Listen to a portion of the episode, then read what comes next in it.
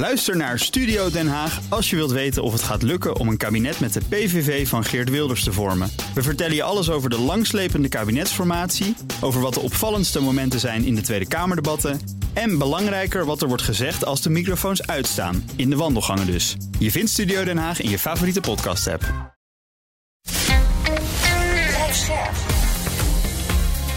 BNR Nieuwsradio. Boekenstein en de Wijk. Hugo Reitsma. Welkom bij Boekenstein en de Wijk. Het is vrijdag, dag 653 van de oorlog in Oekraïne. Maar wij beginnen vandaag weer in Gaza, nietwaar? Ja, daar wordt uh, ongelooflijk hard uh, gevochten. Het is, uh, de afgelopen dagen zijn behoort tot de hevigste, waarschijnlijk de hevigste van, van de hele oorlog. je ziet dan dat Israël zegt de derde fase is ingegaan. Dus wat je ziet is dat er nog steeds operaties worden gehouden worden uitgevoerd in het noorden. Onder andere bij dat Jabalia uh, vluchtelingenkamp. Dat ligt in de buurt van uh, Gazastad. En dan natuurlijk verder naar het zuiden. Uh, naar, hoe heet het, Kan Janus. Yunis. Exact. daar worden enorme operaties uitgevoerd. Het zijn clearing-operaties om ervoor te zorgen dat die gebieden vrij worden gemaakt van, van Hamas-strijders. Uh, om vervolgens veel meer uh, doelgericht op zoek te gaan naar een hele, uh, laten we zeggen, militaire infrastructuur. Het aantal slachtoffers is gigantisch. dat heeft ertoe geleid, dat is echt heel bijzonder hoor, dat ehm, de secretaris-generaal Guterres van de Verenigde Naties, artikel 99 van het handvest van de Verenigde Naties, heeft geactiveerd. Dat is uitzonderlijk Dat is zeer uitzonderlijk en daarin staat dat de SG dat mag eh, doen als er sprake is van een bedreiging van de vrede en veiligheid. Nou, dat, dat is wel even belangrijk. Bedreiging van de vrede en veiligheid is een juridische term. Uh, als, die, uh, als dat wordt gehanteerd, dat artikel, dan mag een resolutie worden uh, gemaakt om in te grijpen. Oh. Dat is, dus dit is, niet zonder, dit is niet zonder betekenis. Dat wil niet zeggen dat er nu wordt ingegrepen.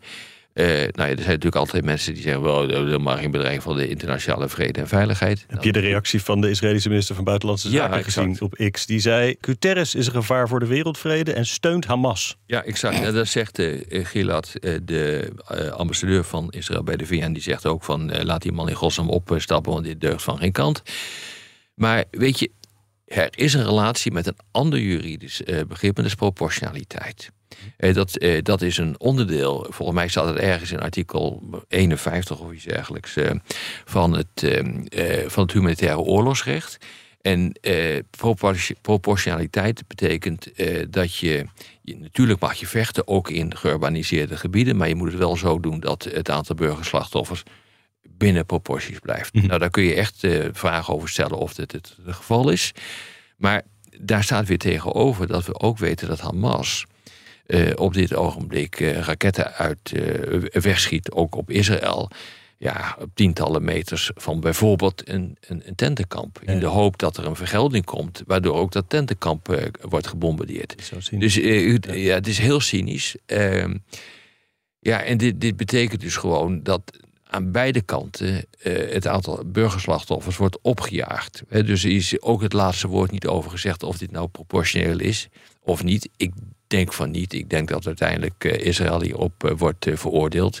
Maar dan zal, en dat is eerder gebeurd, die veroordeling wel weer naast zich neer worden hm. gelegd. Er zijn er de afgelopen 24 uur 350 Palestijnen omgekomen. Het totaal is nu 17.700. Nou, we hebben dat New York Times, of nee, de Financial Times rapport aangehaald. Dat als je kijkt naar het aantal beschadigde gebouwen. Hè, dat dat dus percentueel ongelooflijk hoog is. Hoger dan tijdens de geallieerde bombardementen. Tussen 43 en 45. Dus er is wel degelijk een probleem met de proportionaliteit. Guterres haalt artikel 99 aan. Bij diezelfde bijeenkomst van de Veiligheidsraad vandaag, uh, uh, vrijdag moet ik dus zeggen, hè? Ja.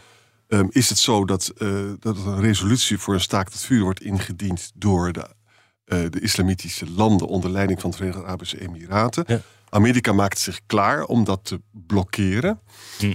Uh, daarna moet je dus weer aan verbinden dat in die Aspen Security Conference die met John Feiner, dat is eigenlijk maar alleen maar een woordvoerder, een- eigenlijk een aide van het White House, die zegt van we hebben geen deadline gesteld aan Israël met dit soort dingen, want de militaire doelen zijn nog niet behaald. Maar Cameron zelf, die daar dus ook was, zei van ik vind, dat was een heel duidelijke uitspraak, dat Israël in het, in het eh, zuiden zich anders moet gedragen dan in het noorden. Ja. Dat begrijp ik dus niet helemaal. Nou ja, ik snap hem in die zin als je zegt van oké, je hebt de opdracht gegeven eh, aan eh, de Gazanen om van het noorden naar het zuiden te trekken. En je, je- alles klit daar op een, eh, op een grote hoop. Ja. Dat je dan extra voorzichtig moet zijn. Als hij dat bedoelt, dan begrijp ik hem. En ook als je, dat dan, als je daarin verdiept, hè, eh, je weet, al, allemaal districten zijn aangewezen. Hè?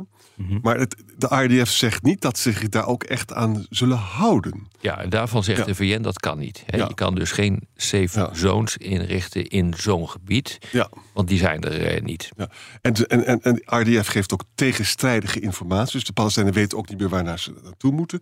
En dat betekent ook dat het hele verhaal over Hamas, die, waarvan wij weten dat die raketten uit bevolkingsrijke gebieden doen, ook een beetje in een ander daglicht wordt geplaatst als je met die districten loopt. Te- Mhm. sorry. Dus het is gewoon, de proportionaliteit is echt lastig te verdedigen, lijkt me. Ja, Amerikaanse minister van Buitenlandse Zaken Blinken heeft eh, opnieuw opgeroepen aan Israël eh, beter de burgers te beschermen. President Biden heeft ook gebeld met premier Netanyahu. Ik begreep uit de persbureaus dat hij ook daar de bescherming van de burgerbevolking eh, heeft genoemd. Ja. Maar jij zegt aan Jan waarschijnlijk dat de VS zo'n resolutie die oproept tot een staakt het vuren weer zal blokkeren. Ja, dat is wat ik lees in de New York Times. En dat is, past natuurlijk ook bij de Amerikaanse traditie. En nogmaals, jongens, mijn belangrijke rode draad in dit verhaal is: ik denk dat Amerika dat gaat doen. En ik denk dat Amerika daar een prijs, een geopolitieke Dat denk ik prijs ook. voor- Ik denk dat ze daar een prijs voor gaan betalen. Ik Ja. denk dat dat niet verstandig is. Ja. om dat- En dat betekent dus Netanyahu bezorgt dus Biden migraine. Ja. Dat is, eh, dat is het verhaal. Maar goed, in Amerika zelf ook is de, is de discussie hierover heel overspannen. Hè. Om heel kort te vertellen. De drie presidenten van de topuniversiteiten, waaronder Harvard... Hè, die worden nou gehoord door het congres, joh.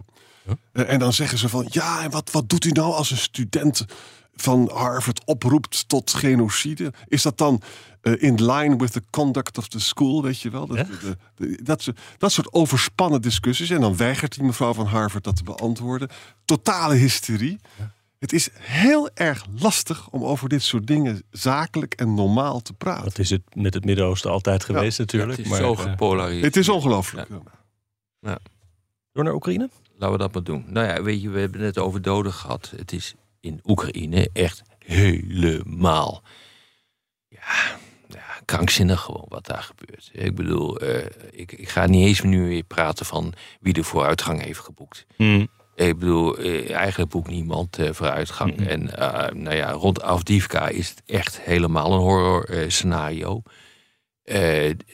Daar is het zo, daar komen nu berichten vandaan dat de Russen niet, meer, niet eens meer in staat zijn om de gesneuvelde soldaten te bergen. Dat kan niet. Dus die jongens die lopen daar nu over de lijken van hun gesneuvelde collega's heen. Ik bedoel, het is gewoon.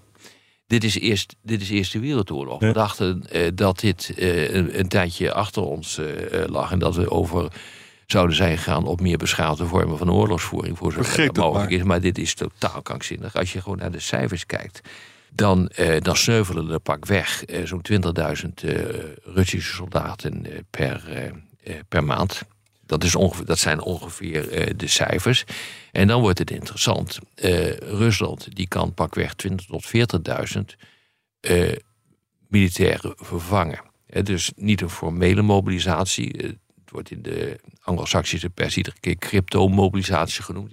Dat het ook wel is. Het is een soort verborgen vorm van mobilisatie. Omdat jongens worden betaald om daar te komen. Vaak ook geen idee wat daar gebeurt. Eh, uit, eh, uit allerlei uithoeken van het, eh, van het Rijk. Degene die dat niet willen. En dat betekent dus ook de goede, eh, de, de beter geschoolde arbeidskrachten. Die zijn of weg of die zijn ondergedoken. Maar dit is wel interessant ook. Dit soort aantallen slachtoffers. Met betrekking tot de komende presidentsverkiezingen. Ja. Wat, wat, wat, gaat hij nou, wat gaat hij nou doen? Kan hij dit, eh, dit vol blijven houden of niet? Dat is in maart, hè? Ja, volgend jaar. 17 maart volgend jaar zijn de presidentsverkiezingen. Ik geloof dat eh, volgende week, als ik het wel heb, die beroemde eindejaarsbijeenkomst met de pers is. Van, eh, Hoe zal dat zo'n zeer langdradig Ja. gebeuren? Hè? Ja. men, men vermoedt dat Poetin daar aankondigt dat hij natuurlijk meedoet aan die presidentsverkiezingen. Eh, de vier bezette gebieden in Oekraïne participeren daar dus ook in. Die worden als een onderdeel van Rusland eh, gezien.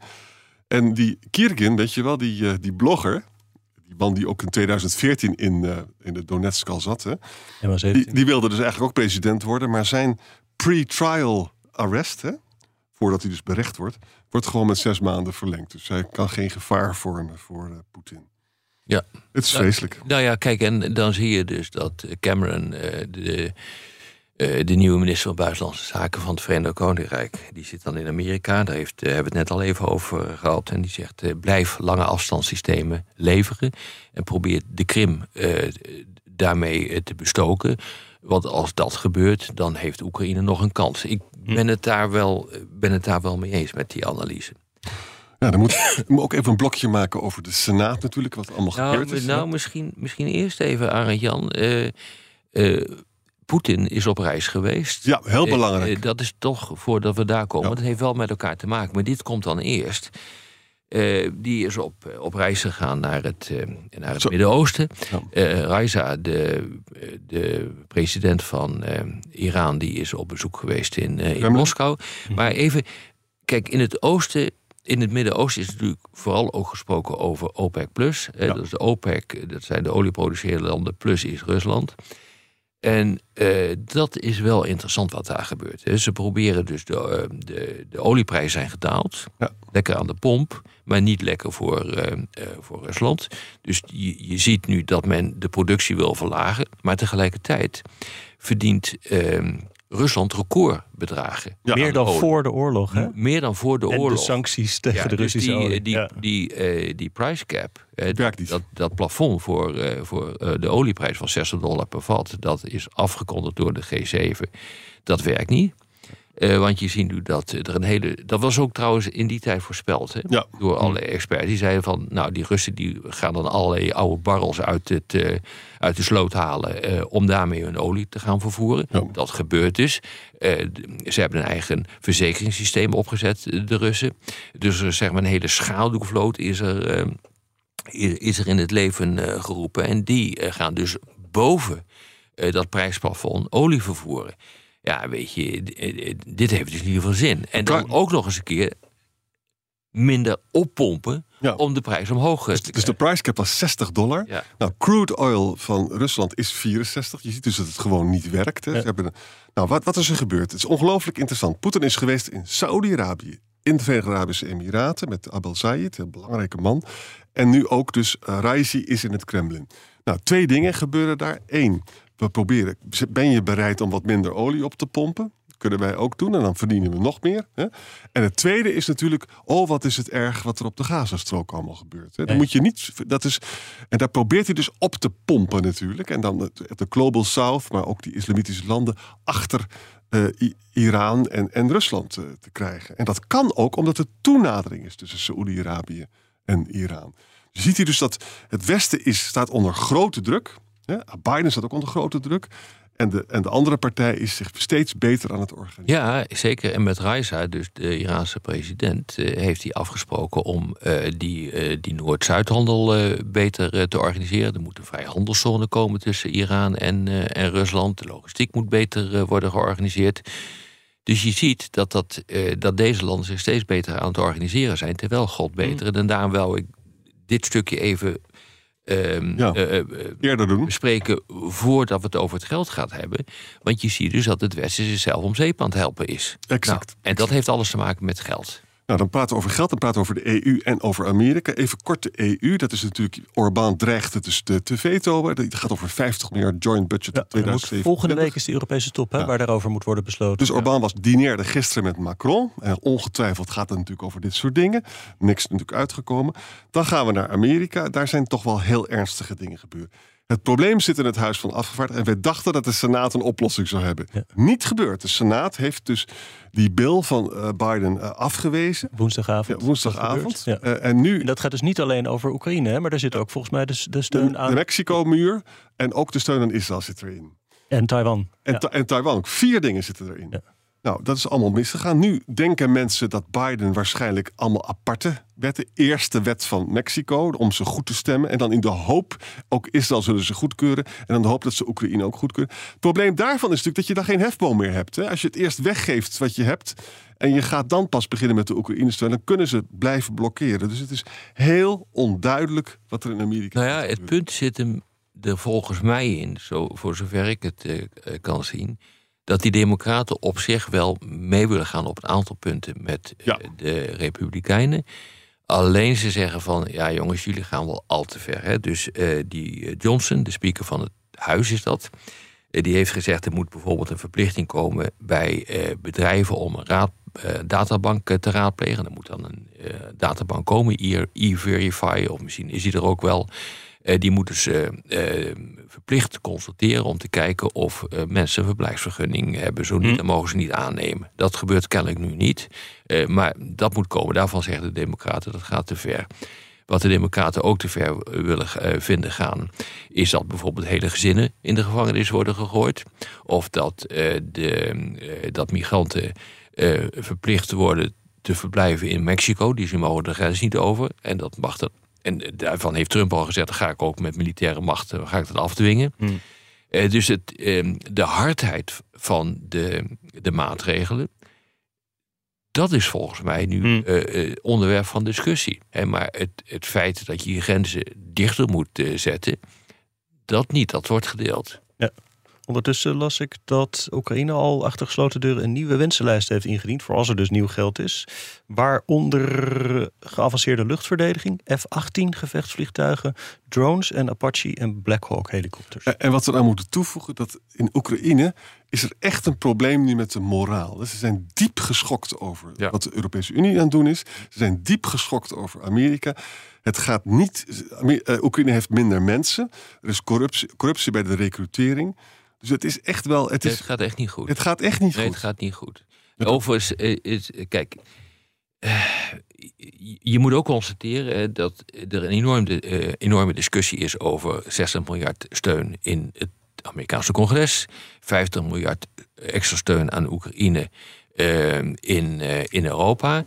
Maar daar zijn natuurlijk ook wel weer ontsnappingsclausules in. Hè? Dus de soep wordt wel heet gedronken, maar weer niet zo heet, denk ik. Tenminste, dat is mijn inschatting. Uh, in Europa uh, kan je altijd overgaan op bilaterale hulp, steunverlening. Dat kan. dus het bedrag van uh, wat de, de, EU beschikbaar stelt, dat is het bedrag waarbij je bonnetjes kan inleveren. Maar niet ja. weerhoudt Nederland bijvoorbeeld van die F-16's ja. gewoon bilateraal te leveren met een hm. F-16-coalitie. En dat zal ook gebeuren. En dat zal dan dus ook gebeuren. Dus daarmee kun je, daarmee kun je Orbán omzeilen. Uh, dat, dat is één punt. Maar uh, als je vanuit het Pentagon komen berichten dat het nog steeds een bedrag is tussen de 4 en 5 miljard dollar. Uh, waarbij ehm, de steun van voor Oekraïne in ieder geval door de winter nog geregeld kan worden. dus dan kom je in een nieuw vaarwater terecht volgend jaar. En de president heeft speciale bevoegdheden ook nog. Hè? Ja, ja, volgens mij, ja, volgens mij wel. Dus, maar dit kan hij nog in ieder geval doen. En zo zijn er nog wel een aantal andere mogelijkheden om het, uh, om het voor elkaar uh, te krijgen. Dus de situatie is dramatisch, maar op dit ogenblik niet hopeloos. Omdat je allerlei omweging, omwegingen, ja. om, omzeilingen kunt, kunt bedenken. Maar ik bedoel, weet je, ook al is dat zo, de schade die dit berokkent aan de Europese Unie, maar ook aan, eh, Amerika. aan Amerika, is gigantisch. Ik bedoel, je ziet het Westen voor je ogen verkruimelen op deze manier. De, dat, die, die roemruchte uh, eenheid in het Westen, die is gewoon, die zie je voor je ogen verbrokkelen. Ja. Dit is echt de achteruitgang van het Westen, de ondergang van het Westen. Ja, en, de, en de moreel voor de Oekraïne is natuurlijk lager dan ooit. En dan moet ik ook heel iets zeggen over stroom, wat zo akelig is. Vanmorgen in een krachtcentrale bij de frontlijn geraakt. Dat betekent dat mensen geen stroom meer hebben. Grootste probleem was in het westen. Er wordt dus nu dan stroom geïmporteerd van Polen, Slowakije en Roemenië. Je kan ook de andere kant op. Hè. Dus we, we hebben dus nu een hele slechte situatie. En we, en we zitten nu in de winter. En we zijn bang voor die kruisraketten op de infrastructuur. Ja, ja, dat is ook zo. Overigens nog één onderdeel van het Westen dat nog wel functioneert. Al ligt dat er heel ergens anders, namelijk Japan. Dat trekt 4,5 miljard extra uit voor Oekraïne. Ja. Dus die weten nog wel beslissingen te nemen. Ja. Eh, De enige die echt een goede kerst heeft, dat is Poetin. Ja, wij gaan deze podcast staken uit protest tegen de wereld. Ja, ik begin er ook zin in te krijgen. We houden ermee op. Tot morgen, Tot morgen. denken we toch? Ook Bas van Werven vind je in de BNR-app. Ja, je kunt live naar mij en Iwan luisteren tijdens de ochtendspits. Je krijgt een melding van Breaking News. En niet alleen onze podcast Ochtendnieuws, maar alle BNR-podcasts vind je in de app. Download nu de gratis BNR-app en blijf scherp.